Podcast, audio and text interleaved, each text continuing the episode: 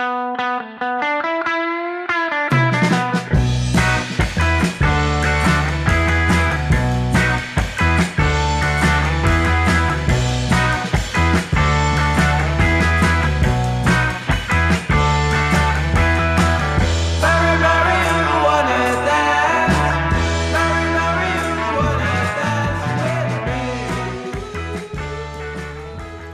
Welkom bij High Tea met Dirk en Rens, een podcast over cannabis en alles wat met de plant te maken heeft.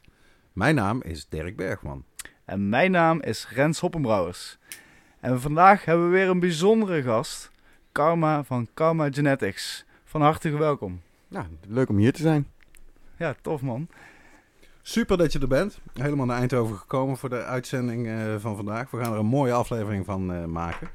We hebben vandaag onder andere nieuws over de Co Zwarte Woord, het nieuwe keurmerk voor CBD-producten van het Kan, eh, edibles in Canada en Nederland en de eerste cannabiskliniek in India. En natuurlijk onze vaste rubrieken Wat zit er in je joint vandaag? De oude doos en reacties van luisteraars. Dit is High Tea met Dirk en Rens, aflevering 11. Zo, ja. En ook een primeurtje inderdaad. De eerste keer s'avonds. Ja, after, eh, after dark. Ja, zo maakt het, maakt het extra, extra spannend. Ehm, nee, voordat we dus inderdaad eh, eh, in het diepe springen met karma, gaan we eerst beginnen met onze vaste rubriek Wat zit er in je joint vandaag? En laten we wel beginnen met onze gast. Karma, vertel eens, wat zit er in je jointje vandaag? Ehm, ik rook wat eh, Afghaanse hash eh, op het moment. Afghaanse hars, ook ergens in, uit een regio? Of, eh, Dat durf ik je niet te zeggen. Oké, ja, want, niet te zeggen. Nee. omdat inderdaad bij Marokkaanse hars hoor je vaak katama of eh, dingen, of eh, bij een in, in Nepalese hars. Of, maar, maar wat smaakt het ongeveer na? Wat, is het, wat, wat, wat Ehm. maakt jou, wat maakt Afghaan zo, zo favoriet bij jou? Ja, het heeft een beetje een kruidige, mintachtige smaak. dat, nou, dat, dat rook ik zelf heel graag. Oké. Beetje dat after eight eh, gevoel, dus ook dat is Ja, wel eh, ja. toepasselijk natuurlijk. Ja. Ah, en lekker kopje koffie, hars. Een hele goede combinatie. Zeker weten. Dirk, wat ben jij aan het roken? Ik rook mijn eh, oude getrouwe favoriet. Het is echt een van mijn all-time eh, favorite strains. Een eh Silver Haze, die ik heb gekocht bij Club Media in Amsterdam, waar ik van de week was. En wat leuk is aan die Silver Haze is dat ik die... eh, vroeger had Sensi Seeds nog een coffeeshop in Amsterdam. Wat nou de zadenwinkel is, mensen kennen het misschien wel, op de Wallen. Ouderzijds Achterburgwal. Maar vroeger was het gewoon een shop. Waar ik altijd, als ik in Amsterdam was, eventjes binnenwipte. Omdat je daar, vanwege dat ze ook een seedbank hebben, zeker kon weten... Die Silver Race die ik zo lekker vind, van Sensi, die eh, krijg je daar gewoon in je zakje. Dus ik vond het heel jammer eh, toen die koffieshop moest ophouden daar. En ik heb uit goede bron vernomen dat bij Club Media... dat dat inderdaad nog steeds de echte ouderwetse eh, super Silver Race... of niet super, eigenlijk gewoon de ouderwetse Silver Race van eh Sensi is. En ja, lekker bloemig, eh, lekker up, typische sativaatje. Ik vind het altijd lekker om te roken, die Silver Ja, jou kunnen we wel wakker maken voor een goede sativa, volgens mij altijd, hè? Dus, Sowieso. dat is zeker. En zeker voor een Silver Race. En eh, Rens, wat zit er bij jou in vanavond? En nou, ik was eigenlijk van plan, en eh, die kunnen we zeker nog een keer eh, behandelen voor de volgende editie, maar ik was een, eh, een soortje van de, de pluk eigenlijk aan het roken. Of die wilde ik gaan roken, maar op de valreep kwam er een, toch een topje voorbij die ik niet kon laten om die even een jointje van te draaien. En dat was van de Ice Cream Cake. Oké dan. En dat is van de, de Gelato 33 gekruist met de wedding cake. En ja, zoals je ook al zou verwachten, het smaakt inderdaad echt als een ijsje. Het is heel romig. Mhm. Een beetje eh, toch wel zoetachtige crème. -achtig. Ik kan het niet heel goed plaatsen. Ik heb er pas twee hijsjes van genomen, dus ik kom er nog op terug. Maar het is een eh, heel bijzonder wietje. En ik ben zeer dankbaar dat ik deze mag roken in ieder geval. We gaan kijken hoe die het doet. Zeker We weten. maken het mee. Ik zeg eh, naar de volgende rubriek. Wat, ja, ja, wat, is, het, eh, wat is er gebeurd eh, de afgelopen week weer? Eh, wat zit er in het nieuws? Ja, is er nog iets In plaats gebeurd? van in de joint. Dat kan ook. Eh, ja, we hebben een aantal nieuwsitems die we gaan behandelen deze week. Eh, het eerste nieuws, we waren daar ook alle twee eh, bij, kort geleden. De uitreiking van de Koos Zwart Award. Wat is de Koos Zwart Award? Voor mensen die dat niet weten, die wordt elk jaar uitgereikt eh, door de Coffeeshopbond PCN, Platform Cannabis Onderneming in Nederland. Sinds 2014 eigenlijk. Daarvoor heet hij de PCN Hoofdprijs. Wat ik ook wel een aardige vond. Die naam is nog verzonnen door Koos Zwart zelf. En eh Koos Zwart, ja, zijn naam valt eigenlijk regelmatig bij ons in de podcast. Is dus iemand aan wie wij heel veel te danken hebben als het gaat om het beleid in Nederland. En te zorgen dat de coffeeshops eh, er nog zijn, om het zo maar eens te zeggen. Eh, die Koos Zwart eh, die gaat elk jaar naar een, persoon of een organisatie die zich uitzonderlijk heeft ingezet voor legalisering en normalisering van cannabis. De eerste winnaar in 2014 was Doede de Jong, onze eigen Doede uit Friesland. En verder hebben Ben Dronkers, die heeft hem gewonnen. Rick Simpson heeft hem gewonnen. Dries van Acht heeft hem gewonnen. En vorig jaar de Stichting Drugsbeleid. En dit jaar is de Koos Zwart Award gewonnen door eh, Jan Filet Kok. Ik denk voor veel mensen een grote onbekende. Eh, inmiddels aardig eh, op leeftijd, deze meneer. Ik vond het ook indrukwekkend eigenlijk om te zien bij de uitreiking. toch nog een kwikzilveren geest. Ook een goede analyse van de politiek. En zijn rol is eigenlijk, kijk, zonder deze Jan Filet Kok had Koos Zwart nooit kunnen doen, met name in het begin, in de jaren 60 en 70, wat hij heeft gedaan. En dan moet je denken aan het testen van drugs, eh, dan moet je denken aan de beursberichten zoals hij dat deed met de informatie over drugs erbij. Daar was één man, zeg maar, in de coulissen, eh, apotheker Jan Filet Kok, die hem daarin alles steunde. En die hem ook voorzag van, van de goede wetenschappelijke informatie, zodat het ergens op sloeg wat, wat Koos kon doen. En zelf heeft hij, eh, hij is ook geïnterviewd daar eh, na die uitreiking eh, door Steven Kompier. Ik denk dat die reportage nog wel online gaat komen. En daar zegt hij ook dat hij, dat hij blij is met de prijs, omdat het voor hem natuurlijk heel erg doet denken aan zijn oude vriend Koos Zwart. En over het beleid zei hij, dat vond ik ook nog wel typisch. Het, het drugsbeleid, het cannabisbeleid in Nederland is twee stappen vooruit en één achteruit. En dat komt omdat het probleem met de politie is dat ze altijd maar half luisteren.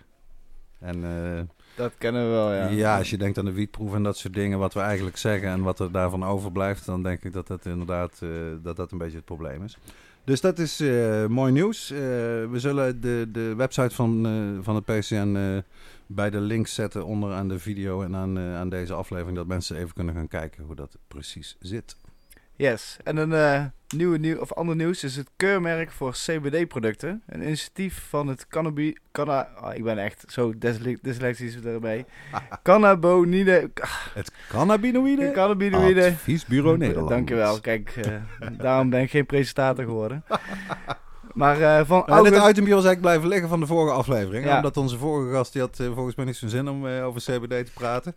Die had een traumatische ervaring met, met CBD waarschijnlijk gehad. Nou ja, we kunnen het in zekere zin kort behandelen. Ik denk dat veel luisteraars wel iets mee hebben gekregen van de CBD of cannabidiol hype. Een van de vele cannabinoïden in cannabis naast THC. Daar wordt dan zeg maar kort door de bocht van gezegd dat je daar niet stoned van wordt. Nou is het niet helemaal waar dat het helemaal geen psychoactieve werking heeft. Maar het is, het is een heel ander soort stof dan THC, dat is duidelijk. Het is dus wel pijnstillend en ontstekingsremmend en kalmerend. Maar je wordt er niet heel high of heel stoned van. En die producten die liggen tegenwoordig gewoon bij een heleboel grote drogisterijketens. Dat is op eh, internet volop verkrijgbaar, allerlei verschillende CBD-producten. De consument ziet door de boom het bos niet meer. En dat is de reden waarom August de Loor, die is, eh, dat is de oprichter van het Cannabinoïde Adviesbureau Nederland, eigenlijk al een tijd bezig was. Eh, mensen kunnen lid worden. Eh, CBD-producenten en winkels die CBD kopen van dat kan. En ja, waar ze lang aan hebben gewerkt, is dus vorige maand of deze maand gepresenteerd in Amsterdam een keurmerk. Waarbij grote bona fide laboratoria, onafhankelijke laboratoria, zijn ingeschakeld om te testen. En jouw producten moeten ook echt getest worden voordat je dat keurmerk eh, krijgt. Wat interessant was, is dat onder andere Radar, dat uh, Avrotros televisieprogramma, die heeft op de website aandacht besteed aan eh, dit keurmerk voor CBD-producten. En die heeft ook de Nederlandse Voedsel- en Warenautoriteit en de Inspectie Gezondheidszorg en Jeugd gevraagd naar hun mening over het keurmerk. En dan schrijven ze, dit is een citaat van de website van Radar. Beide toezichthouders, zeg- toezichthouders zeggen hier zelf geen toezicht op te houden, waarbij ze naar de andere toezichthouder wijzen als verantwoordelijke. Of er iemand toezicht houdt en zo ja wie, blijft dus onduidelijk. Nou, daar kan je wel aan horen aan dat citaat dat het gewoon één groot wild west is. En dat ja, de, de overheid laat het hier natuurlijk liggen. Die spullen die liggen al lang in de winkel. Heel gek dat ze misschien zelf daar misschien een keer iets eh, mee zouden doen. Maar nu is er dit keurmerk. Eh, op de website van de KAN eh, kan je daar meer over lezen. Op de website van het VOC staat een mooi verslag dat Mouw heeft geschreven van de presentatie in Amsterdam. Met ook interviews eh, erbij. Dus ga daar naar kijken. En eh, ja, laat- ik hoop dat we er gewoon meer van gaan horen. En dat je inderdaad het CBD-keurmerk gaat terugvinden op, eh, al die CBD-producten die er te krijgen zijn. Gebruik jij zelf CBD-producten, Kamer? Eh, wat vind je er zelf eigenlijk van, van de CBD-hype, om het zo maar te zeggen? Om het, eh, Nou, ik gebruik het zelf niet, maar ik heb een eh, hond gehad ehm, die in zijn laatste jaren ehm, echt alleen maar eh, CBD altijd bij zijn eten heeft gekregen. En die had dan problemen met zijn gewrichten. En die kon zonder dat ook bijna niet meer lopen. En als je dat dan stopte met geven, dan binnen twee, drie dagen liep die bijna niet meer. oh, wow. En als je hem ging geven, dan, nou, dan liep hij gewoon. Alsof er niks aan de hand was. Dus eh dat werkt zeker weten eh, wel. Ehm, ik denk dat een keurmerk wel heel hard nodig is, moet ik eerlijk zeggen. Want het is echt een... ja, het is één grote puin op het moment. Je, je kunt als, als, als cliënt niet weten ehm, wat je koopt eigenlijk bijna meer. Het ene is gewoon heel zwak, het andere is niet helemaal schoon, het andere is wel heel goed. Maar welke is nou welke? Want het zijn er zoveel. Precies, ja. Ja, je ziet gewoon door de boom het bos niet meer, eh, Ja. wat dat betreft. Ik had ook eh, gisteren reed ik terug eh, vanuit eh, Amsterdam naar huis. En ik heb echt een aantal keer op Veronica kwam dus een reclame voor Kruidvat met Ja, CBD-capsules. Ja. Het was echt de eerste keer dus dat ik eigenlijk op een grote radiostation echt zo'n duidelijke reclame voor Er zijn ook CBD. tv-spotjes al voor, voor de CBD-olie op televisie geweest. Dus Ja. het is echt groot, ja. Voor mij viel het kwartje een beetje toen ik denk, ik, volgens mij was het in Vlissingen, in ieder geval in Zeeland. Daar door de main eh, winkelstraat eh, liep en bijna struikelde over zo'n groot flapbord wat ze dan eh, voor de winkel zetten. Met een heel groot wietblad erop. Hier CBD-olie verkrijgbaar voor weet ik voor wat. Waar het allemaal goed voor, of in ieder geval waar het voor aan werd geprezen. En toen dacht ik, kijk, daar kan je aan zien dat dit is echt tot in de haarvaten van Nederland. Iedereen die wordt letterlijk geconfronteerd met dit blad, met deze plant en met de kracht van die plant. Dus dat lijkt me winst. Het is de Europese variant voor de medicinale acceptatie, voor de, voor de ja, normalisering van de plant eigenlijk, om het zo te zeggen. In, in Amerika zag je natuurlijk eerst via medicinaal. Absoluut. Ja. En nou hier in, in, in Europa, daar zijn ze toch iets te nuchter voor dat medicinale. Dan doen ze toch misschien via CBD. En het werkt inderdaad. Ik bedoel, mijn moeder is altijd heel erg tegen wiet geweest. En uiteindelijk kwam ze naar me toe van... Ja, een vriendin van mij gebruikt het eh, na de operatie voor borstkanker en dergelijke. Mhm. Het helpt er enorm. En ja, wauw, dat het ook dat je dat het, het bestaat, zegt ze zo. Wow, ik had nooit verwacht. En toen dacht ik ook al van, oké, dit is echt een manier Echt een gamechanger. om mensen die dus helemaal niks met een plantje hebben, krijgen toch een keer een, een positieve ervaring met, Ja. het, met het product, om het zo maar te zeggen. Zonder dat het Ja, we hebben natuurlijk uitzendingen gehad van, van Radar en van Kassa. En het komt op televisie. Het is gewoon zichtbaar. En dan krijg je ook wel een hoop informatie eh, waarvan je denkt, mm, die hebben niet helemaal begrepen hoe het zit. Maar hey, we zijn eh, in de lucht met, eh, met cannabis als een positief ding in plaats van een negatief ding. Ja, en nog over iets anders qua producten gesproken. Edibles. Dan Ja. gaan we meteen naar het volgende nieuwsonderwerp. Ze, zijn dus, ze hebben dus die legalisatie 2.0 gehad in Canada, als ik het zo mag verwoorden. En de eerste ronde was nog niet eh, met edibles. En daar hebben ze dus nu erbij gedaan. Klopt. In, eh, kijk, de, de, de gewone legalisering zogezegd was 17 oktober 2018. En vanaf 17 oktober vorig jaar, dus precies na een jaar, mochten mensen, kregen mensen licenses om edibles te gaan maken. En dan moesten ze geloof ik 60 dagen mee wachten. Dus in de praktijk zie je dat eigenlijk vanaf december vorig jaar zijn edibles eh, legaal verkrijgbaar in Canada. Ja, gaat heel erg goed. Ziet er allemaal prachtig uit. eh, een enorme variatie aan producten. En dat staat natuurlijk in schril contrast met eh, de armzalige situatie hier in Nederland. Waarbij eh, toevallig vandaag is de nieuwe Highlife eh, op internet verschenen. Nicole Maalste heeft een interessant verhaal over edibles, waarbij ze ook ingaat op de Trimbos publicatie, die eigenlijk over eh cannabisproducten in de coffeeshops in Nederland. Waarbij ze over edibles zeggen, ik heb dat hier eh, erbij gepakt. Eh, kijk, op dit moment is het zo, wat edibles betreft in Nederland, er mag één edible is toegestaan in de coffeeshops en ook bij het wiet-experiment. En dat is Space Cake. En dat mag alleen gemaakt worden, dat zal ik ook even letterlijk citeren. Ehm coffeeshops mogen alleen edibles verkopen die zijn gemaakt met rauwe hennep. En da- da- daar gaat niets veranderen voor de wietproef. Ook daar geldt alleen van rauwe hennep. Wat op zich natuurlijk al een heel gek ding is, want je wil die cannabis toch verwarmen om te decarboxyleren, zodat de werkzame stoffen ook actief worden, zeg maar. Wordt dat dan eh, rauwe cake? Ja, dat, zo'n formulering geeft voor mij ook, lekker uit de pan. dat geeft voor mij een beetje aan dat ze toch, ja, of ze weten helemaal niet waar het over gaat, of ze proberen het zo minimaal te houden dat je eigenlijk überhaupt niks kan maken, zelfs geen goede spacecake. Maar eh, zoals in Canada edibles worden gemaakt, is vrijwel altijd met concentraten. Zodat je heel exact kan weten van, dit wordt zo sterk. En dat je ook kan zeggen, dit chocolaatje heeft zoveel milligram. Dus je weet ongeveer wat je kan verwachten. Dat is met, met de aloude spacecake methode, dat is op zich mooi, maar da- daar heb je eigenlijk weinig idee. Je krijgt een plak cake voor je. En je weet dat het spacecake is. God zegene de greep en hopen dat het niet te veel is of te weinig. En dat is dus wat, wat de, de overheid in Nederland eigenlijk verplicht stelt. Dat wij daar blijven hangen. En dat we niet zoals eh, beschaafde landen waar cannabis te koop is, gewoon die edibles eh, mogen doen. Eh, Nicole Maalsteen die haalt in haar hoofdstuk aan dat eh, in het discussiehoofdstuk van ja, een recente publicatie van het Trimmels Instituut. Aanbod en gebruik van cannabisproducten in de coffeeshop. Suggereert het Trimbos Instituut om het verbod op nieuwe producten zoals edibles en concentraten uit de opiumwet te halen. Een interessante stellingname, zegt is, Nicole. dat terecht. zou wel heel, heel mooi zijn. Ja, dus eh, zij schrijft in het stuk... eh, zeker met het wiet-experiment in het verschiet zou het een gemiste kans zijn... wanneer deze cannabisproducten buiten het gereguleerde aanbod vallen. Ik sluit me daarom aan bij de oproep van het Trimbos Instituut... om de opiumwet zo aan te passen... dat een nieuwe generatie cannabisproducten een plek krijgt binnen het gereguleerde aanbod.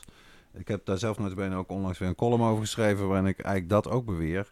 Als een overheid serieus meent dat ze tabaksconsumptie in Nederland willen verlagen, dat mensen minder tabak moeten gebruiken, minder moeten roken, waarom ga je dan in godsnaam edibles verbieden? Dat is niet logisch. Dus, eh, nou ja, wie weet dat dat... eh, kijk, Trimbos is in die zin een belangrijke speler.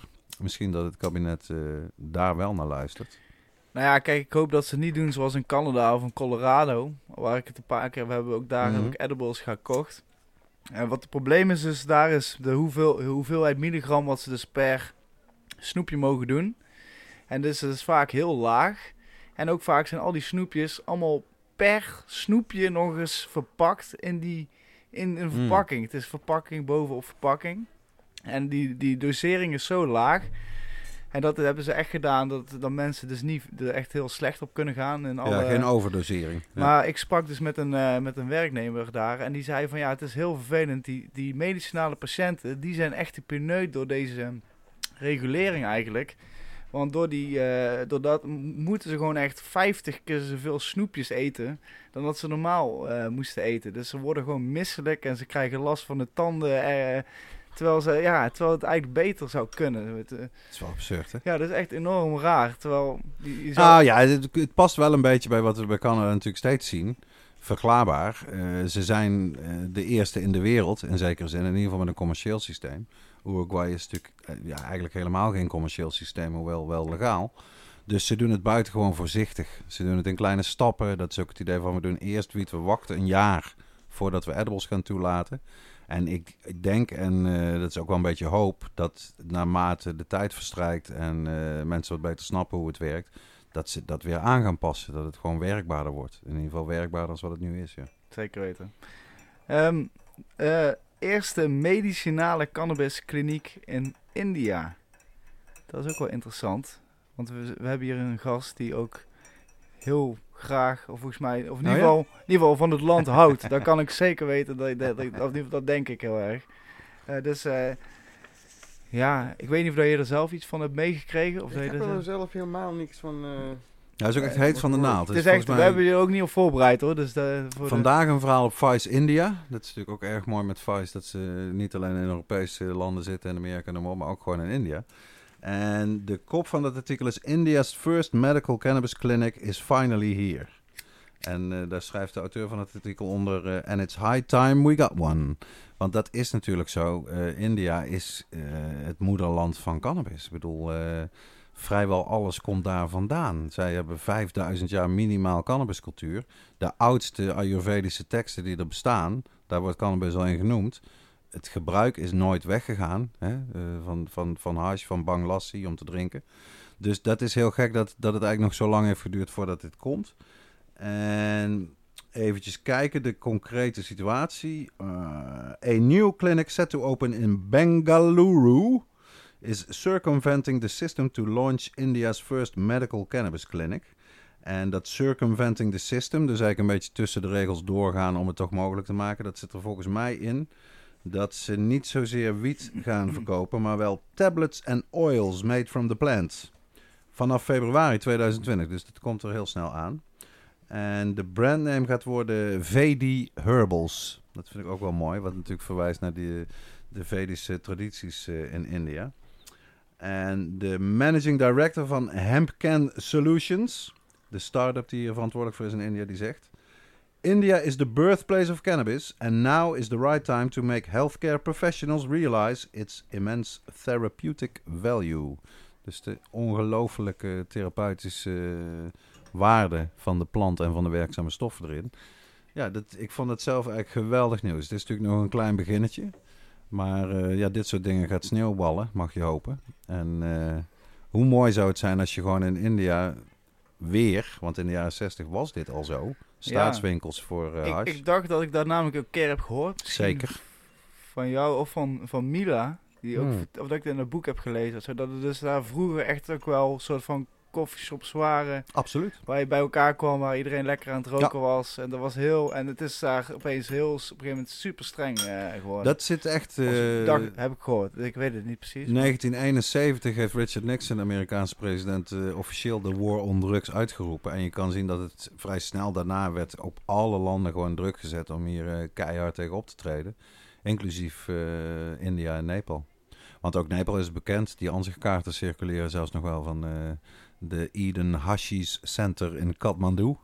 En ik ben Daar zelf heb ik eh, meerdere postertjes van eh, thuis hangen. Ja, toch? eh, Kijk, ja. dat dacht, dacht Ja. ik wel. Ja. epic Dus- shit. En ik ben zelf in Nepal geweest, maar helaas eh, te laat, zou je kunnen zeggen, in de vroege jaren negentig. En toen kon je die ansichtkaarten nog wel kopen, maar die Eden Hashish Center was inderdaad helaas dichtgegooid. Hoewel ik daar wel nog eh, in de bergen, in de Himalaya-gebergte, eh wild groeiende cannabis ben tegengekomen. Dus dat, eh, je krijgt het natuurlijk niet weg. Eh, zelfs niet als je Nixon heet. Het groeit daar waarschijnlijk hartstikke goed. eh, Absoluut. Ja. Hoog. En, eh, Ideale omstandigheden. naar het laatste nieuwspuntje. De Can Next. Tja. Ja, ik, ik, had er eerder, ik had er nog nooit van gehoord. Maar het kwam opeens in het nieuws dat eh, het nieuwsartikel heette... eh Can Next Nederland introduceert nieuwe cannabisvariëteiten. En daar reageerde Mauro ook al meteen best wel on the point op van... Nou, eigenlijk introduceren ze zichzelf. Want ja, we hadden, ik had er nog nooit van gehoord. Maar we zijn er even ingedoken. En het is een, eigenlijk een soort van eh, eh, instituut of een soort vereniging die zich, eh, die een, een, hoe noemen we dat? Een, ja, Ja, ontheffing, ook niet met. Ja, gekregen om, om echt te gaan onderzoeken welke cannabisvariëteiten echt zouden werken op welke bepaalde ziektes. En daar zijn ze dus waarschijnlijk in, en daar zijn ze in samenwerking ook met, eh, met eh, Philips en dergelijke. Zijn ze daar, hebben ze een super high-tech eh, kwekerij hebben ze eigenlijk daar ergens opgezet. Ergens waar niemand weet waar het is. Precies. Maar ja, ik denk namelijk dat ze dus Bedro kan, of in ieder geval gaan toele of toe gaan leveren voor nieuwe variëteiten. Oh ja? Niet, Dat- niet zozeer productie. Nou, ik, nieuwe- ik kan het niet vinden dat ze echt. Ze, ze zeggen gewoon dat ze die variëteiten gaan aanbieden. Voor ook eh, zulke prijzen. Dus eigenlijk meer innovatie dan puur produceren. Ja, want ik kon niet vinden dat, het, dat in principe Nederland een tweede vergunning heeft vrijgegeven. Maar dat zou, het zou kunnen hoor. Ik, ben Jawel, want je hoort daar wel meer over dat, dat die er zijn en dat die zich erg koest houden. Maar ik weet dat in Wageningen, eh, daar, daar groeit ook cannabis. En eh, daarvan is bekend dat eh, je mag letterlijk geen één topje daarvan mee buiten het eh, kweeklaboratorium van de Wageningen Universiteit nemen. Want dan word je ontslagen bij het project. Zo, ja, dat geloof ik wel. Er is ja. natuurlijk een groot verschil tussen een ontzegging of een eh, vergunning eh, tot productie. Hè? Dat zijn Ja, natuurlijk twee losse dingen. Ja. Ik weet dat er wel meerdere ontzeggingen zijn Ja. in Nederland. Mhm. Ja, eh, voor tissue culture labs. ehm, en voor, voor, als je voor onderzoek kun je een ontzegging natuurlijk krijgen. Ja, dus precies. Ik zeg niet dat het makkelijk is, maar Nee, ja, zeker. Het, het was in ieder geval wel de eerste keer dat ik zoiets zeg dat ze zo in het nieuws mee kwamen. Ze zijn al eerder in het nieuws eh, gekomen, maar dat ik het echt Ja, zag. maar dat was echt een groente- en fruit eh, website volgens mij. eh. Maar eh, wat ze dan Veel verder ben ik zeggen, het niet in tegengekomen. een nieuwsbericht vind ik zeer interessant, dat ze zeggen op een gegeven moment... De verkoopprijs aan de overheid is op dit moment 5,80 euro per gram. En wordt in 2021 verlaagd naar 2,35 euro euro, ja, per gram. Dat zijn eh, interessante cijfers. Nee, maar dat is ook wel belachelijk dat het dus ooit is, dat het gewoon 5,80 euro is. Wat dus, en daar is met eh, James Burton is er ook Tja. toen echt de- die heeft haat en eh, vuur gespuwd toen we het daarover hadden. Hij, hij verkocht zijn cannabis toen voor 2 euro. Of, Even nog hoor, wie is. James Burton? James Burton is van het instituut SSIM. Ja, Stichting Institute of Medical Marijuana. En hij Ja. is eigenlijk de eerste medicinale cannabisproducent van Nederland. En het is een eh, veteraan die gevochten heeft in de Vietnamoorlog. Hij heeft glaucoma en daarom is hij ooit begonnen met cannabis te roken, anders werd hij blind. ja, Best een aardige Een motivatie. fascinerend verhaal. Ja. Want inderdaad, eh, vertel eh, misschien eens... Nou, hij is eh, eigenlijk naar Nederland gekomen als vluchteling van de war on drugs. Omdat hij daar gepakt was met zijn planten. En hij altijd had gedacht, het is een, heel, het is een buitengewoon eh, man, vind ik. Hij zei, kijk, als jij toch een, rechter kan zeggen dat je dat, die plant gebruikt omdat je anders blind wordt... kan ik me toch niet voorstellen dat ze hem in de gevangenis gooien ervoor. Nou, dat deden ze wel. En ook maximum security prison, dat was echt een hel. Dus de eerste mogelijkheid die hij had om weg te komen daar... toen is hij gewoon naar Nederland gekomen omdat hij vaak had begrepen dat het illegaal was... En niemand had hier gehoord van medicinale cannabis. Ook alle pioniers die we eigenlijk wel kennen in Nederland, zoals Werner Bruining, al die mensen, die zullen allemaal toegeven dat zij de eerste keer hebben gehoord dat het echt een medicijn is van James Burton. Die lang voordat Bedrocan überhaupt op het toneel verscheen, was hij al lang aan het produceren in Aalsmeer. De politie wist ervan. Hij ging naar ziekenhuizen toe. Dat is een fascinerend verhaal. Maar toen uiteindelijk cannabis, medicinale cannabis helemaal gelegaliseerd werd in Nederland, toen is hij toch op een buitengewoon eh, vervelende manier eh, uit, uit het spel gewerkt. Daar komt het toch eigenlijk op neer. Destijds had je Marcel de Witte in Rotterdam en je had James Burton, die waren al lang bezig. En Bedrocan, ja, toen het stof was opgetrokken, was alleen Bedrocan nog over. Ja, en, en Dus- een, een van, die, van die dingen waar hij dus ook super tegen was, was dus dat hij, het- hij verkocht de eerste cannabis voor 2 gulden 50 Ja. gram. En daar kon hij maximaal gewoon, dat was helemaal goed en daar kon hij alles netjes van draaien.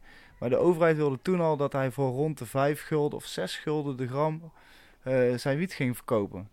En dat- ja, dat vond hij toen al belachelijk. En toen kwam nog die gamma-straling erbovenop. Dus, de- eh, de- James heeft altijd twee dingen gezegd in de voorbereiding van het project tegen de, de mensen van het ministerie van Volksgezondheid. Let erop twee dingen. Maak het niet duurder dan in de koffieshop, maar goedkoper. En zorg dat je genoeg soorten hebt. Nou, wat kwam uiteindelijk? Eén soort.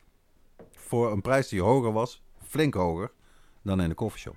Ja. Dus ze hebben precies het tegenovergestelde gedaan van wat hij met Clem steeds had geadviseerd. Anders gaat het niet lukken. En natuurlijk, die eerste jaren waren ook super mager. Bijna, niet, bijna geen één patiënt ging die officiële wiet halen in de apotheek. Want hij was niet goed, er was geen keus. En eh, de prijs was veel te hoog.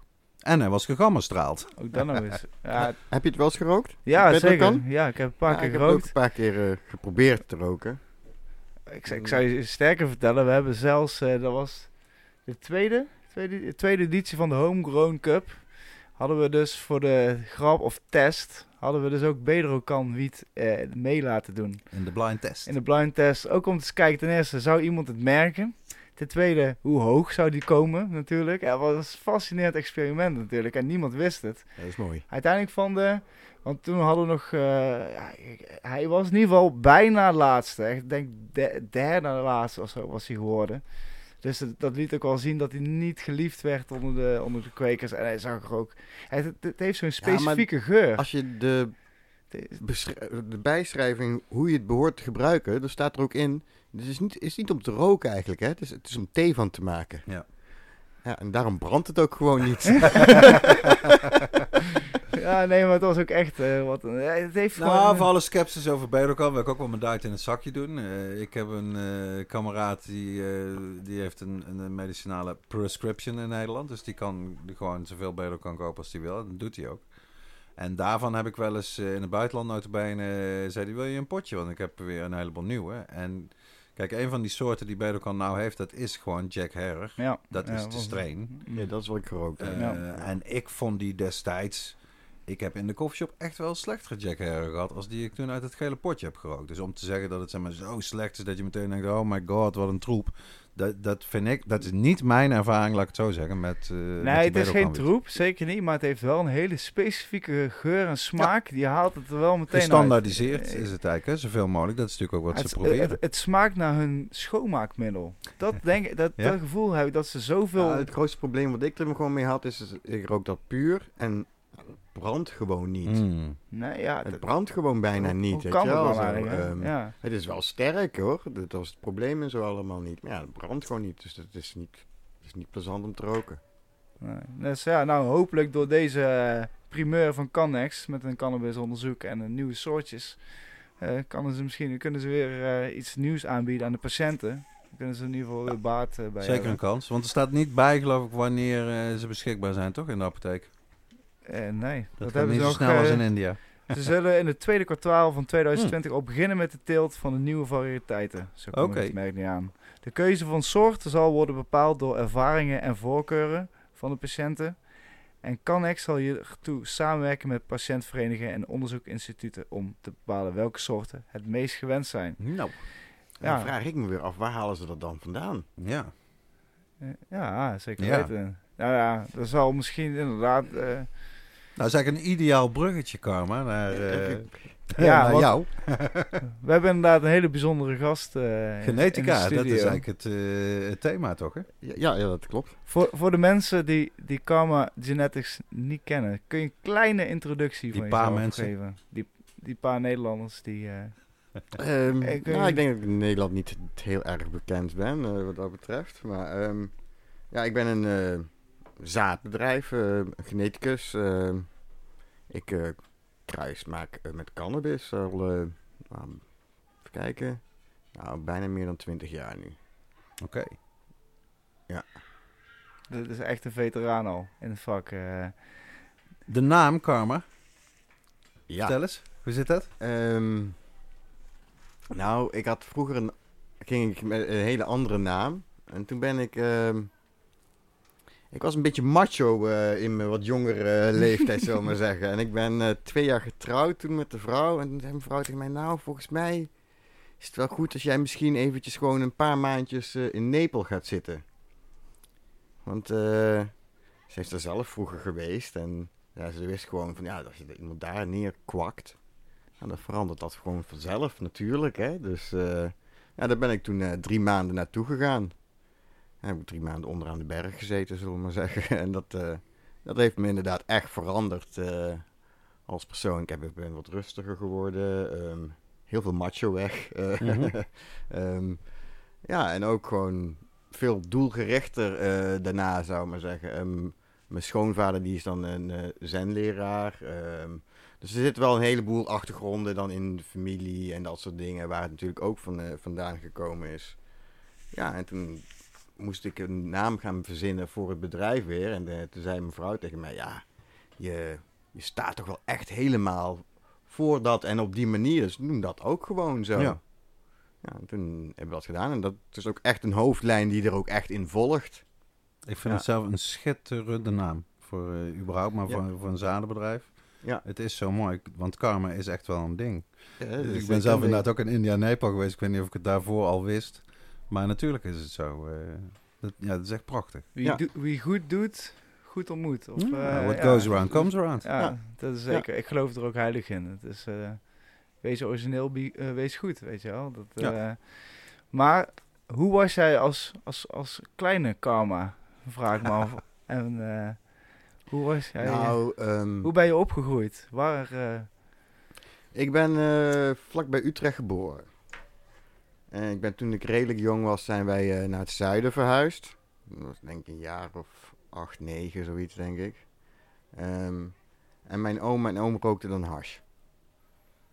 Dus, eh, nou, toen 12, 13.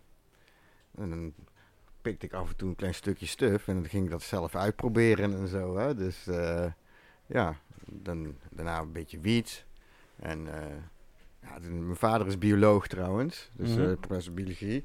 Ehm, en toen nou, ging het, eh, ik had mijn ouders, die vonden natuurlijk wiet in mijn jas en dat soort dingen. En ik ben nog redelijk jong hè, dan, hè, dus eh, ben eigenlijk een klein, heel, heel klein mannetje nog. heel klein karmaatje. Ja, dus ja, toen, ja, dan een gesprek natuurlijk met je ouders dan. Hè. Daarna, toen zei mijn vader zo, nou, ik heb zelf nooit gerookt en zo, zegt hij. Maar ik denk dat ik het beter vind inderdaad als je af en toe zo'n jointje rookt... dan dat je je helemaal klem drinkt eh, in het weekend. Hele nou, en toen dacht ik bij mezelf, ik zei, oké dan. Ja, dat is goed hè. Hup, daar gaan we. Dus eh, ja, een paar weken later zei ik... paar weken later eh zegt hij, het kost heel veel geld, ik zo tegen hem. En eh, ja, je weet nooit wat erin zit en zo, hè. Dus eh, ik denk dat we dat zelf in de tuin moeten gaan kweken. Kijk. En zei van, nou ja, Ja. nou eentje dan, weet je wel. Zo, ja, en toen is dat zo, is het begonnen, weet je wel. Zo. En sindsdien ja, ben ik altijd, eh, heb ik denk vier, vijf jaar lang elk jaar buiten Aha. wat wiet gekweekt. Weet je nog wat jouw allereerste soortje was? Je eerste plant die je kweekte? Ehm, Silver Pearl. Oké. Ja, snel Silver. Pearl, ja. Ja. Ja. ja. En, Hoe kwam je aan het zaadje? Of was het stek? Nee, dit was zaadje. Dat was een zaadje. Ja, was een zaadje. Nee, dat had ik gewoon lokaal, in een lokale winkel eh, Ja. gekocht. We hadden zo'n soort eh headshop Chinees-achtige winkeltje zo, weet Ja. je wel. En daar verkochten ze dan de zaadjes. Dus, eh, ja. ja. En waarom specifiek die? Nou, Dat is het gewoon de naam, gewoon- of, nee, volgens mij was het gewoon iets. Was het wat goedkoper en Ja, zo. Hè? Dus, eh, Goeie zoiets, begin, hè? beginner. Ja, ja, ja. nou, zeker weten. ja. En lukt het ook de eerste keer? Nou, ehm, ik was dat dan aan het kweken en hadden dan in een pot staan en zo. En, eh, en toen moesten we op vakantie, hè, want we gingen altijd met het hele gezin op vakantie natuurlijk. Dus ik zei, oh ja, dan moet ik, ja, maar die, die plant moet natuurlijk wel water krijgen en zo. Nou, dan ga ik aan de buurvrouw vragen of die, eh, weet je wel. De, nou, de buurvrouw die was dan wel eh, behulpzaam en zo. En die zei, zo, nou weet je wat, zet maar bij mij in de tuin, dan geef ik hem wel water voor je. Nou, dan zijn we vier weken naar Frankrijk op de camping, hè. En toen kwam ik terug. Ja, en toen was het een hele Een grote plant. toen was het een, een hele grote Hij zijn maar bla- braaf blijven eh, water geven. Dus eigenlijk Ja, heeft de buurvrouw hem eh grotendeels gekweekt. Ja, en dan natuurlijk elke, el- elke keer topjes eraf knippen. En ja, die moesten dan drogen. Maar ja, daar had je geen geduld nog voor. Dus, eh, dus die deed je dan in de magnetron. Ja, en nou, dat, dat, dat, de. Het smaakte naar niks natuurlijk. Dus Nou ja, de energie en de tijd en de moeite, dat smaakt altijd. ik. En wat was nou echt het soortje, waar je, of, of hoe ben je eigenlijk gedacht van, laten we dit is echt wel groter gaan doen en echt zaden gaan maken. Nou, en dat is natuurlijk, de- meeste mensen, zou je zeggen, die blijven gewoon lekker kweken. Eh, Ja. Die kunnen eventueel verkopen of met hun vrienden delen. Maar ja. ergens kwam voor jou een soort afslag. ja, Denk ik daar- ehm, ik, toen ik 18 werd, eh, kreeg ik een baantje eh, in de koffieshop. Ehm nou, ik was tegen die tijd natuurlijk al enorm geïnteresseerd natuurlijk in wiet. En ook het kweken interesseerde me heel veel. Ehm, en toen de tijd waren er niet zo heel veel soorten. Hadden we eh Superskunk, eh Orange Bud, Ja. eh, Citral, Northern Light. eh Noorderlight. Dat, dat waren de dingen die er toen waren. Maar ik kwam ook wel eens, omdat ik dus bij Utrecht geboren ben. En ik had dus natuurlijk vriendjes nog daar. Ja, en dan ging ik terug daartoe. En die hadden, die hadden andere wiet eh, Mhm. dan wij hadden. Hè? Toen kwam ik ook andere dingen tegen. Noemden ze iets zoals Afghaans skunk noemde. ehm. ja, en toen dacht ik van, hé, hey, dat hebben we bij ons niet, hè? Dan neem ik dat gewoon weer mee terug naar bij ons.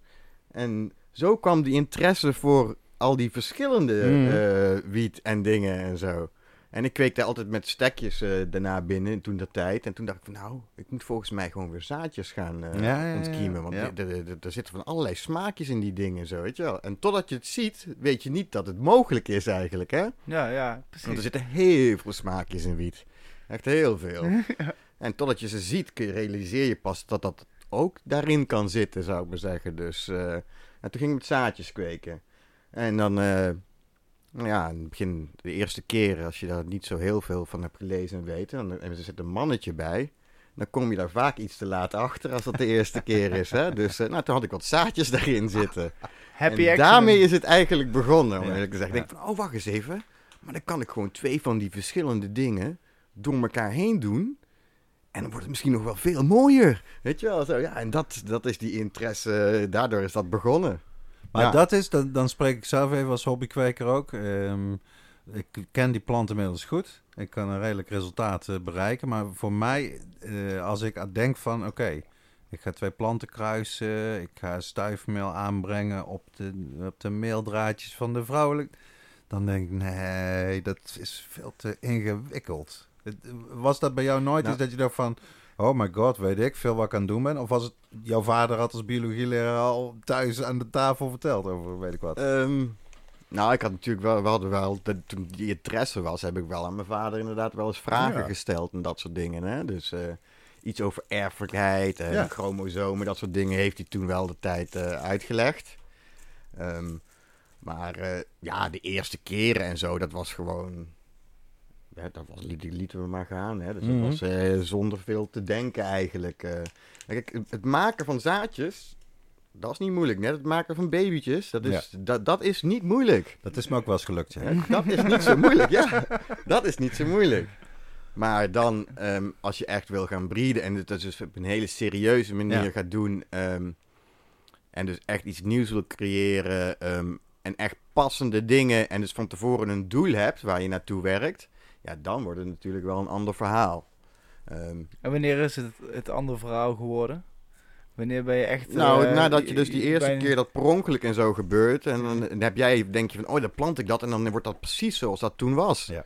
En dan kom je erachter, hé, dat klopt. Dat dat is, er zitten gewoon planten bij die zijn helemaal niet lekker meer. En zo, hoe kan dat nou? Oh, oké, zo, zo simpel is het dus ook weer niet. Hè? Nou, en dan ja, ga je daar eh, onderzoek naar doen, dan ga je lezen. ehm. Ik ben toen de tijd ook, toen waren er net de online forums, die waren toen nog redelijk nieuw. Dat praat ik over begin jaren 2000, dus 2002, 2003. Had jij Ehm, één go-to eh, platform wat dat Ja, betreft? ik zat altijd op Overgrow eh, Ja? vroeger. Ja. Oké. Ja. Want je had IC Mac, je had Tweet Forum. Ja, IC Mac ben ik naartoe gegaan toen Overgrow is op een gegeven moment eh, eh, in beslag genomen. En dat was het, die service lagen in Canada. En dat was rond 2005 of 2006. Voor de legalisering, ruim daar Ja, natuurlijk. ja, en toen ben ik overgesprongen naar eh, IC Mac dan. En daar heb ik, eh, daar zit ik nu nog steeds op, maar niet zo heel veel. Ja. Ja, ja. Maar mijn echte netwerk, want dat is waar het in één keer heel snel en heel groot eh, wordt.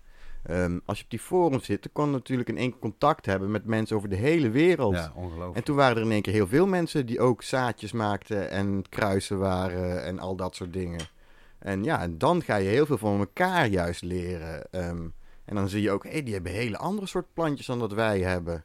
Hé, ja, misschien wil hij wat van mijn zaadjes hebben. En dan krijg ik wat van zijn zaadjes. En zo komt er een heel soort ruilende eh, netwerk, wat over de, zich over de hele wereld spreidt. En vooral in die vroegere jaren, ja, toen was dat echt een, eh, was echt een vriendelijke en Ja. een hele fijne eh, vibe en zo. Weet je wel, dus iedereen deelde en iedereen wil elkaar alles leren en zo. Want zou jij zeggen dat, zeg maar, generaliserend, een breeder, een veredelaar, een ander type iemand is als iemand die, zeg maar, produceert of die dealt, eh, die een koffieshop heeft? Ja, Of ik, verschilt het toch gewoon heel erg per individu? nou, ik denk dat als je gaat breeden, dat, daar moet je wel echt heel veel interesse en zin in hebben. Want ehm, ja, het kost gewoon heel veel tijd en heel veel geduld. Ja.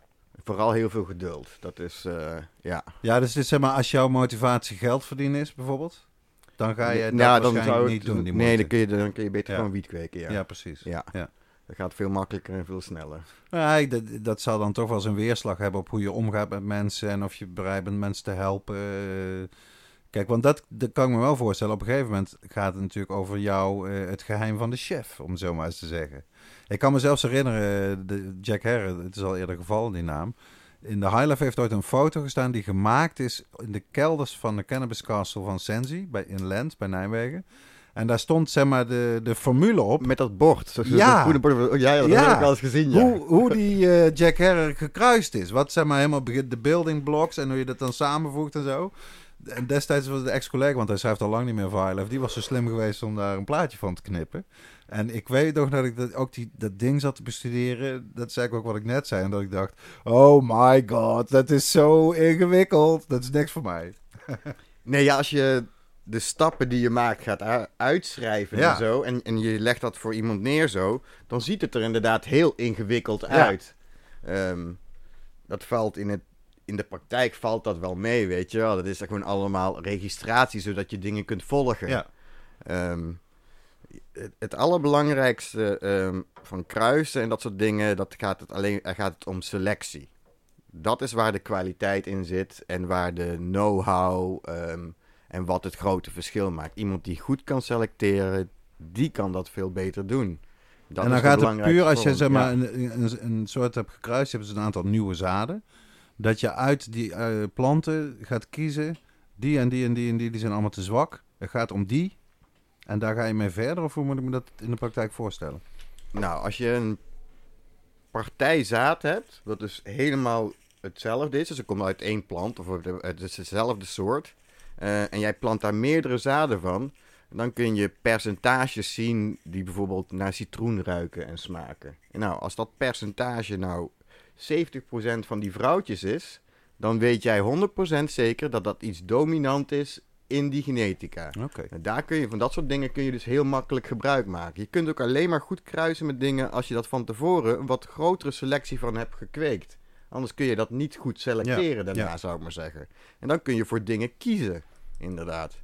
En je kunt dingen versterken door het vaker met dat eh, aspect wat jij zo interessant vindt eh, kruisen. En heb je bijvoorbeeld ook een soort van afvalrondes waar je, waar je op, op gaat letten. Dat je al eerst kijkt, nou deze die zijn al niet groot genoeg, die gaan allemaal al weg. En eh, deze hebben te, te gekke Nou. bladeren, nee, dus ook onstabiel, up, ook weg. Ehm, Ja, want die stabiliteit, hè, dat, is, dat is ook een kernwoord. Eh, je kan kruisen, maar zoals je eerder al zei, dan kom je erachter van... hé, hey, dat, dat komt ineens heel anders. Om, om een nieuwe soort die je hebt gemaakt, zeg maar, die stabiel te krijgen... eh, hoe doe je dat? En wat, gaat er, wat kan er misgaan? Ehm, nou, dat ligt natuurlijk heel veel aan. Dat is voor elk project is dat, kan dat verschillend zijn. Hè? Dus eh, als er heel veel meer, des te meer variatie erin zit, des te moeilijker en des te meer tijd en kruisen dat kost om dat dan zo te krijgen. Ehm, een manier bijvoorbeeld wat eh, mak- makkelijk is uit de traditionele manier van kruisen is bijvoorbeeld als jij een plant hebt ehm, waar je dat aspect van wil versterken, dan kun je terugkruisen naar die plant toe. Waardoor dat percentage eigenlijk, eh, kans dat dat naar voren komt in het staat, groter wordt. Waardoor dus meer zaadjes eigenlijk, die, eh, als je die plant, die aspecten hebben. En, en terugkruisen is dan als het ware met een, eh, de, een, de ouderplant, om het zo maar eens te zeggen? Ja, dat wil dus zeggen dat je naar één van de twee ouders terugkruist. Ja, Ja. oké. Ja, Dan heb ik hem. dan heb je hem. Ja, het is best ingewikkeld allemaal, eh, moet ik eerlijk zeggen. Maar ook om een voorbeeld te noemen, wat zo mooi kan zijn eh, dat een kind of naar zijn moeder of naar zijn vader weer kan leunen, Ja. is met, een, eh, met de suites waar Dirk nou een jointje aan het draaien van is. Ik krijg hem net toegeschoven. Ja, ik, ik, ik, deed, ik was even omschoft. Ik, wilde het, ik zag hem een joint. dat- Ik denk, daar moet hij een, zeker een jointje van draaien. Want het is een kruising van de guava. De guava gelato maal eh sour Zo, diesel. Ja. En Ja. Hier gaat daar heb je heel veel fino's van. Of verschillende eh, heb ik gezien en ge- gerookt. En het is heel grappig dat de ene fino echt... Ja, jij zegt zomaar even Fino. Of bewaren we dat voor de, de reacties van luisteraarsrubriek, deze vraag? Ja, nou laten we zeggen, daar, die behandelen we nog. Die Dat komt eh, nog aan bod. Nee, maar in ieder geval het kindje van de plant. Ja. In ieder geval, de, die, die eh, bij, bij dat soortje, dat is echt bijzonder. Dat de ene heel erg naar die sour diesel gaat. En de andere dan weer naar die guava. Dat je echt een beetje die mergo grot, dat, dat romige erin krijgt. En dat vind ik, vind ik enorm bijzonder. En daarom vind ik die sweets, dat is eigenlijk elke keer weer een, een cadeautje. Je weet niet precies welke je krijgt, weet je wel. Maar het is altijd wel heel fascinerend. En lekker. Zeker Dat- dat, weten. eh, Ja, dit is toch wel... eh, die Silver Haze was lekker. Dit is lekker hoor. dit zit meer... Is eigenlijk wat je net zegt. Er zitten zoveel smaaknuances. Wat je de laatste jaren... Kijk, ik ben natuurlijk ook een oldtimer. En lang was het toch veel van hetzelfde. Variatie op hetzelfde. Maar je komt nou... eh, het zal toch die terpenen zijn, denk ik. Waar dan meer ook op gelet wordt, denk ik. Hè? In, de, in een soort moderne veredelen. Waar het vroeger misschien meer was van... Bam, we willen alleen zo hoog mogelijke THC. Is dat bij jou? Ja, vroeger werd er... het bij jou? ehm, nou, in het begin was het natuurlijk... De meeste landras en Op reis. grauwe dingen, die kon je helemaal niet binnen kweken. En we konden het niet buiten kweken, want dat mag niet. Dus het moest, die cannabiskweek moest naar binnen. Ja. Dus die soorten moeten ook aangepast worden om binnen te kweken. Dus er werden heel veel Afghaan, dat soort soorten, omdat die van zichzelf al heel klein bleven. Die werden met die sativa-achtige dingen het meest gekruist. En daaruit kwamen dan planten die je wel binnen eh, onder lampen en zo kon kweken. Dat is wat dat een beetje heeft aangezet, hè? En wat was nou eigenlijk het soortje wat jou eigenlijk een beetje in de scene eh, heeft gezet? Of hoe, hoe mag je dat... eh, Als hij nee, er was. Als hij er was. Kan ook inderdaad. dat Maar wat, kan. heeft- wat is Nou, jouw eh, grote doorbraak geweest, als ik het zo mag Als zeggen? het gaat om wat waardoor mensen me een beetje zijn, waren gaan leren kennen, dan is dat eh, White OG geweest. Ja, I remember. ja, daar heb ik in. Ja, ik heb heel slecht geheugen hoor, maar eh, volgens mij 2009 of 2010 heb ik daar een keer een, eh, bij de High Times Cup in Amsterdam prijs mee gewonnen. En dat heeft het een beetje aangezet, zou ik maar zeggen. Ehm, ja. Wat is er toen gebeurd? Daarna hebben ze wat artikeltjes over me geschreven, eh, dat soort dingen. Ja, en dan, Mhm. ga, dan komt zoiets wel naar buiten als zo'n soort blad wat dingen over je schrijft. Ja. Dan wordt je naam wel een beetje... Dat komt het natuurlijk wel echt bij veel groter publiek dan alleen maar die mensen die wat op, op een forum zien of zo. Ja. Dus eh, ja, Want denk jij wat dat betreft dat die High Times Cup, die natuurlijk, eh, wat is het, 27 keer eh, jaar is gehouden in Amsterdam. Is dat belangrijk eigenlijk geweest voor de ontwikkeling van, van hier de business en de, en de veredeling? Of is dat oh, heel overschatting? zeker weten, ja. Ja? ja. zeker weten wel. Ja. ja, dat denk ik wel. Dat je dat platform hebt, letterlijk dat podium hè, in de Melkweg, Ja, en waar dan je kijk, op kan staan. de, eh, een wedstrijd maakt natuurlijk dat je bepaalde competitie krijgt. Maar ook dat mensen, ehm, iets, iemand maakt iets heel goed of die wint. En dat geeft, motiveert natuurlijk enorm voor andere mensen om ook iets te zoeken. Dus er wordt er veel meer energie in die dingen. Dan gaat natuurlijk iets veel, veel sneller. Ja. Ja, Ja, dat is wel mooi hoe dat dat dan teweeg kan brengen. eh, Zo'n hè? Ja, het Ja. beweegt zich enorm. Zeker. Eh, de toekomst, als je daarnaar kijkt. eh, de situatie in Nederland. eh, welk land gaat in Europa die Berlijnse muur als eerste omdoen vallen? Hoe, gaat, hoe gaan Ja, de dat- zadenbanken zich ontwikkelen, soorten? Ehm, nou, als op het moment dat het overal legaal is, dan denk ik dat de zadenbanken wel een stuk minder zullen worden. Dan denk ik dat alles gewoon in, in, de net. Als je naar het tuincentrum gaat, dan koop je Ja? koopt vandaag ook bijna geen tomatenzaden meer. En de meeste mensen kopen al een tomatenplantje dan in de winkel. Hè? Dus dan, Mhm. dan denk ik dat er wel redelijk veel ehm ook Blij- denk op je die niet dat het- manier eh, zal gaan. Denk je niet dat het echt een connoisseur-market ook blijft, zeg maar? Oh ja, wel zeker weten. De hobbymarkt, die zal Mhm. er zeker weten blijven. Eh, ik denk dat die mensen ook veel hun eigen zaadjes en zo op, op dat moment maken. Ik denk dat de zadenhandel buiten veldkweek, want daarvoor is zaad gewoon bijna niet, is gewoon niks beter. Denk ik dat de particuliere, kleinere zaadhandel, ik denk dat dat als het echt legaal is, dat dat wel wat terugloopt. Oké. Dat mensen dan toch liever eh, nou precies dat plantje kopen, weet je wel, wat ze en al kennen, omdat ze dat al Ja. roken. En dat is precies dat plantje. Want er zitten natuurlijk toch wel altijd verschillen tussen. Hè? Als jij, eh, voor, uitleggen dan, als je zaadjes plant, dan zijn dat gewoon allemaal broertjes en zusjes. Hè? Ja, jouw zusje ziet er ook niet precies hetzelfde uit als jou. Nou, dat is met die planten ook wel een beetje Ja. zo natuurlijk. Ja. Wat, wat denk je überhaupt dat, dat het grootste misverstand eigenlijk is over, eh, over veredelen, over nieuwe planten maken? Wat zien mensen doorgaans verkeerd? Ehm, hoe bedoel je? Nou ja, wat, wat, wat jij terug hoort van mensen, dat je denkt, ja, dat klopt dus niet. Dat denken mensen heel vaak dat het zo is, als je het hebt over, over nieuwe planten maken en over veredelen. Nou, je hebt veel mensen die denken, die, ik koop die zaadjes en dan koop ik volgend jaar dezelfde zaadjes en dan krijg ik weer precies dezelfde planten. Ja. ja, daar zitten toch wel echt kleinere verschillen in. Als een soort dan, zoals wij dat dan noemen, heel stabiel is, dan zal daar kleinere schommelingen in zitten. En eh, als dat niet zo is, ja, dan zitten daar grotere schommelingen in. En Mhm. dan kan het natuurlijk helemaal naar de vaderskant en naar de moederskant hangen. Maar ook naar de opa's kant eh, of naar de oma's kant helemaal terug. hè, Ja, naar beide ja. kanten. Dus eh, dat gaat veel dieper. Dat is zeker, ja, geloof ik goed. Ehm, ik zou zeggen, we gaan heel even naar de volgende rubriek, voordat we die vergeten. De oude doos. Ehm, ik zal het even kijken.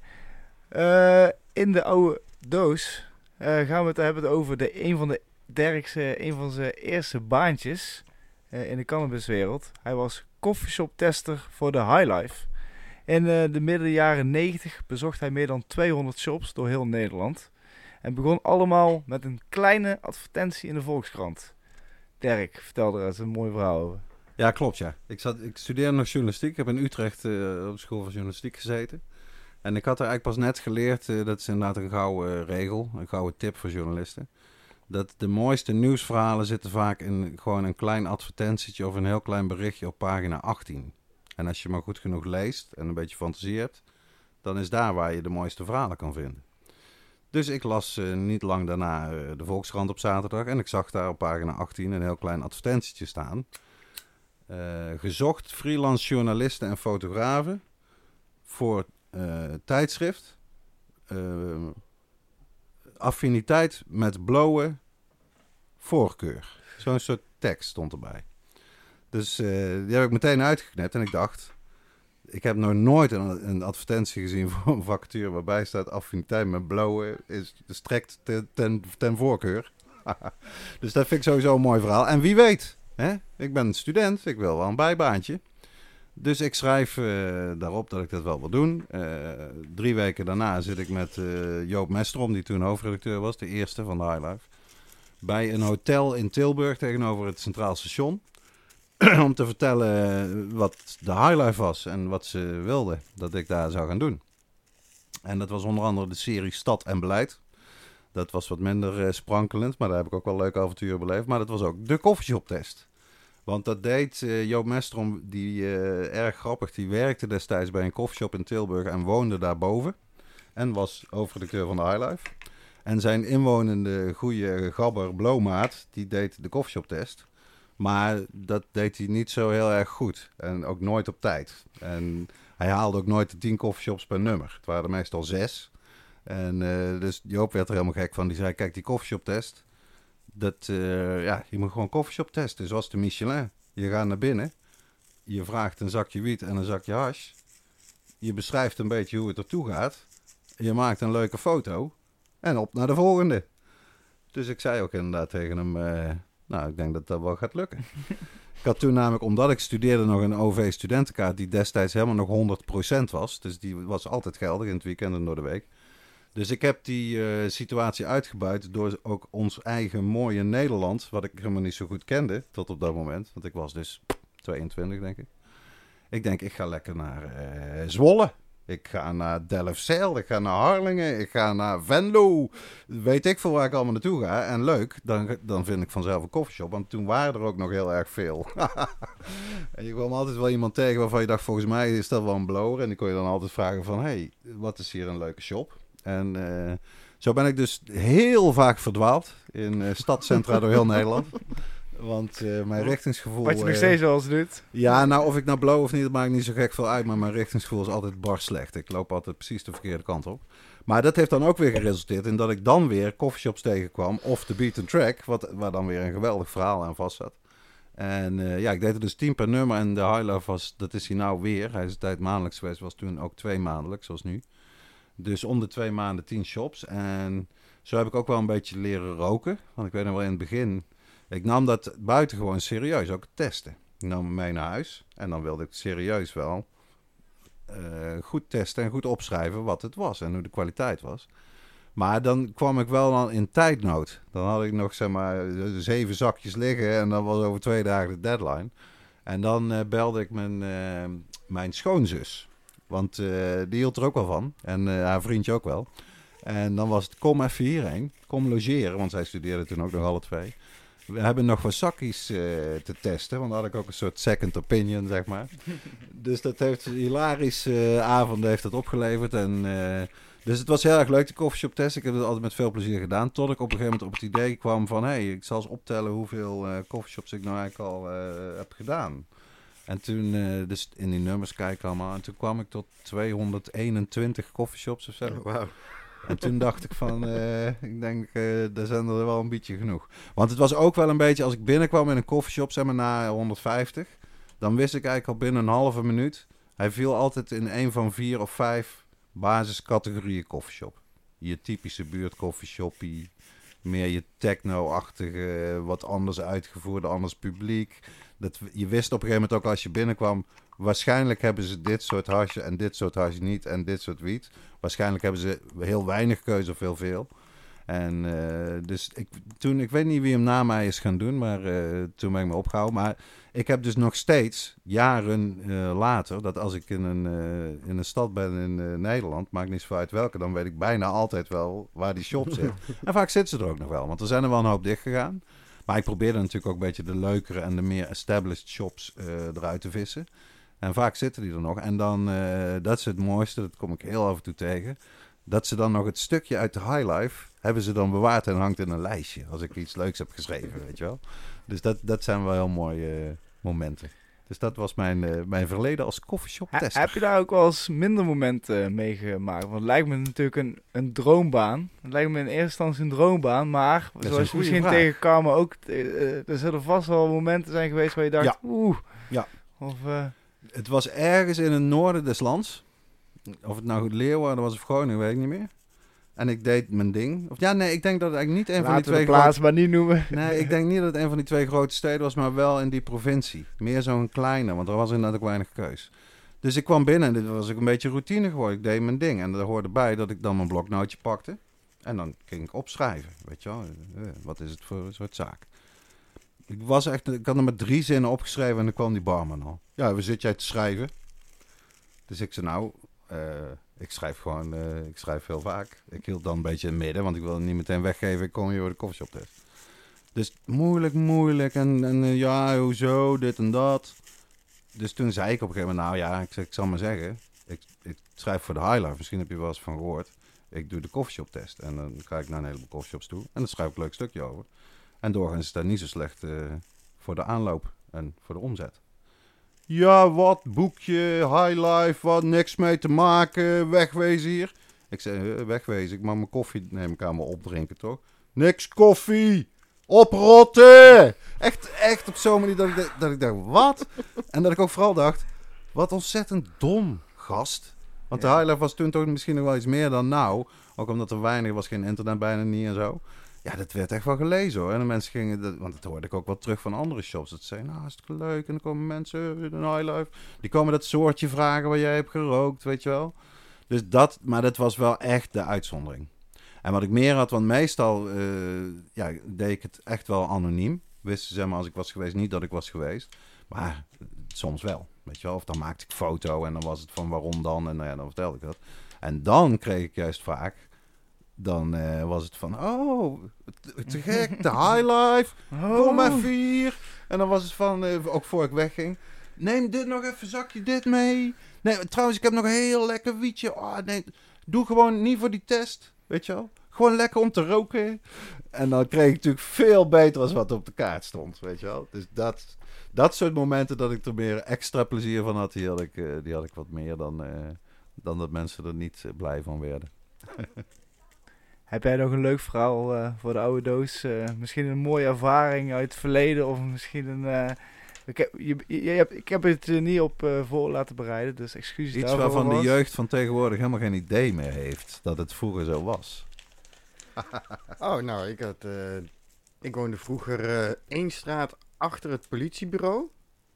En toen de tijd... nou, toen waren ze niet zo bezig met het zoeken Nee, naar wiet. Dus eh, ik had eh, dan een eh, hele, hele, hele grote wietplant in de voortuin staan. en die kwam tot op de tweede verdieping. en dat, daar zei niemand wat van toen de tijd, om eerlijk te zeggen. Dus ja. We moeten terug naar die tijd, hè. En ik, ik had hem niet geplant hoor. Dus ja, ik heb hem wel geplant, maar niet bewust. Want ja, toen de tijd Ja. rookte heel veel Jamaicaanse wiet en allemaal van dat soort dingen. Daar zetten zaadjes en Ja, zo in, hè. En dit was begaande grond, dus die gooide je dan uit het raam zo de hele dag. Weet je wel zo? Dus dan maak je wiet en al die zaadjes en die gooide je gewoon altijd naar buiten. Ja, en in één keer kwam daar een hele grote plant in de voortuin, hè. Die hebben we laten staan. Dat is een schitterende historische parallel, hè? Want eh, Kees Hoeker, de man van de Lowlands Weed Company, die eigenlijk als allereerste is begonnen met wiet te kweken en eh, plantjes weg te geven, dat is exact dat verhaal. Uit je Jamaicaanse wiet, je gooit ze buiten en ineens dacht je, verdomd, het groeit hier in Nederland. Ja. Hoe is het mogelijk? Zo is het met hem ook begonnen, letterlijk dat. Dat is wel prachtig, hè? Dus mensen, zaadjes gooien ze nooit in de asbak, gooien ze in ieder geval ergens in de grond. Ja, nee, gooi, gooi ze gewoon naar buiten. Ja, beter. Beter. ik zou zeggen, hebben we nog een leuke vraag voor Karma? Of anders gaan we naar de reactie van luisteraars. Ja, want naarmate er meer mensen luisteren naar de IT podcast, komen er ook meer eh, reacties en meer eh, bij de comments komen mensen met leuke vragen en eh, leuke dingetjes. Dus deze week hebben we er eigenlijk eentje, ja, ik refereerde er net al aan. Het is, zo'n vraag waarvan ik dacht, dat is een verdomd goede vraag. Maar ik moet opletten of ik genoeg specifieke kennis heb op dat terrein om die echt goed te beantwoorden. Want Rens, Ja, het gaat namelijk echt kweek, of nou, het gaat echt over fenotype en genotype. En eh, het is een vraag van eh, Danny van der Laan onder, onder eh, bij de YouTube eh, video. En die vroeg zich af, wat is het verschil tussen fenotype en genotype? En he- heeft dit invloed op elkaar? En zo ja, hoe? En ik dacht wel van, nu we hier iemand hebben die Mr. Karma zelf, behoorlijk wat weet over genetica. Tenminste, dat hoopte ik. dan hoeven wij onze vingers staan niet aan te branden. Ja, eh, die... Lekker veilig. Wat is het verschil tussen fenotype en eh, genotype? Nou, als je het woord leest, dan kun je het ook heel klein beetje weten. G- Genotype, dat is inderdaad dus de genetica. Dus dat, sommige mensen noemen dat ook een soort en zo. Hè? Dus dat is meer de genetische eh, verhouding. En dan een fenotype heeft meer te maken met, dat is dus hetzelfde genotype. Ja. Maar dan de variatie die daarin komt. En dat kan heel veel te maken hebben juist met de omgeving en hoe die, dat daar juist op reageert. Dus die verschillende zusjes en broertjes. Glashelder. Zeker weten. Maar ik zou zeggen, een buitengewoon goede vraag. Dus. eh, Winnaar! Zeker weten. Deze krijgt weer wederom, of wederom, we, we hebben weer een mooi boek om weg te geven van eh Steve Fleur. Eh Humboldt Green Gold USA. En eh, die gaan we naar hem versturen. We nemen contact met hem op. Danny wint hem. Zeker weten, gefeliciteerd.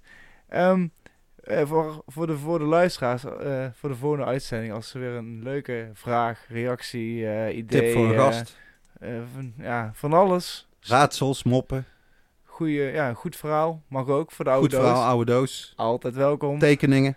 Adv- advies voor een goede gast. Zakjes wiet. Mag allemaal. Allemaal, allemaal welkom. We kiezen de leukste inzending eh, elke aflevering. En die wint zo'n eh, zo'n mooi boek dus, van eh, eh Steve. inderdaad. Dus in ieder geval, Karma, hartstikke bedankt voor het aanschuiven voor deze avondpodcast. Het is voorbij gevlogen eigenlijk. Hè? Ja, dat ging snel, hè? Dat ging Ja, snel. en we hebben deze ook trouwens gevraagd aan eh Mr. X. Ja, die vraag, die ga ik jou ook stellen.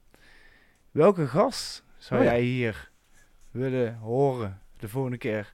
Als jij de volgende keer weer misschien lekker in de tuin aan het werken bent. Of eh, Bezig ben met zaadjes inpakken. oh ja, wat, wat zou jij denken? Nou, die mogen ze wel eens een keer Tuinierswerk. uitnodigen. Dat lijkt me nou echt een interessant figuur. Misschien Simon van Serious Seeds. Dat vind ik wel, persoonlijk vind ik dat wel iemand die, eh, Ja. ja, die kan je wel echt, echt, dat is wel een Een hele echte oldtimer, man. Ja, een echte oldtimer en ook iemand die echt, echt is. Hè? Dus eh, Ja. dat is een hele, ja, dat denk ik dat een eh, hele mooie zou zijn. Hebben wij die toevallig ontmoet toen in de backyard? Vraag ik Mauro eh, rechts van me. Weet ik niet, ik heb hem wel eens een aangesproken op Cannafest in uh, Tsjechië. Maar- Oké. Nou ja, ik heb in ieder geval... Ja, het is een, eh, We gaan hem een- vragen. Dat is Serious zeker een Seed, goeie- Simon. Ja, goeie- zeker. Goeie eh, aanrader. Uitstekende tip. eh. Daar gaan we werk van maken. In ieder geval, dankjewel Carmen voor het, eh, voor het zijn hier. En eh dankjewel Dirk ook weer voor, eh, voor je warme stem. en alle Dank luisteraars. aan de luisteraars, dank aan Rens. En, eh, dat, eh, dat jullie het uithouden met ons. Precies. En eh, tot de volgende keer. Dankjewel. Houden we.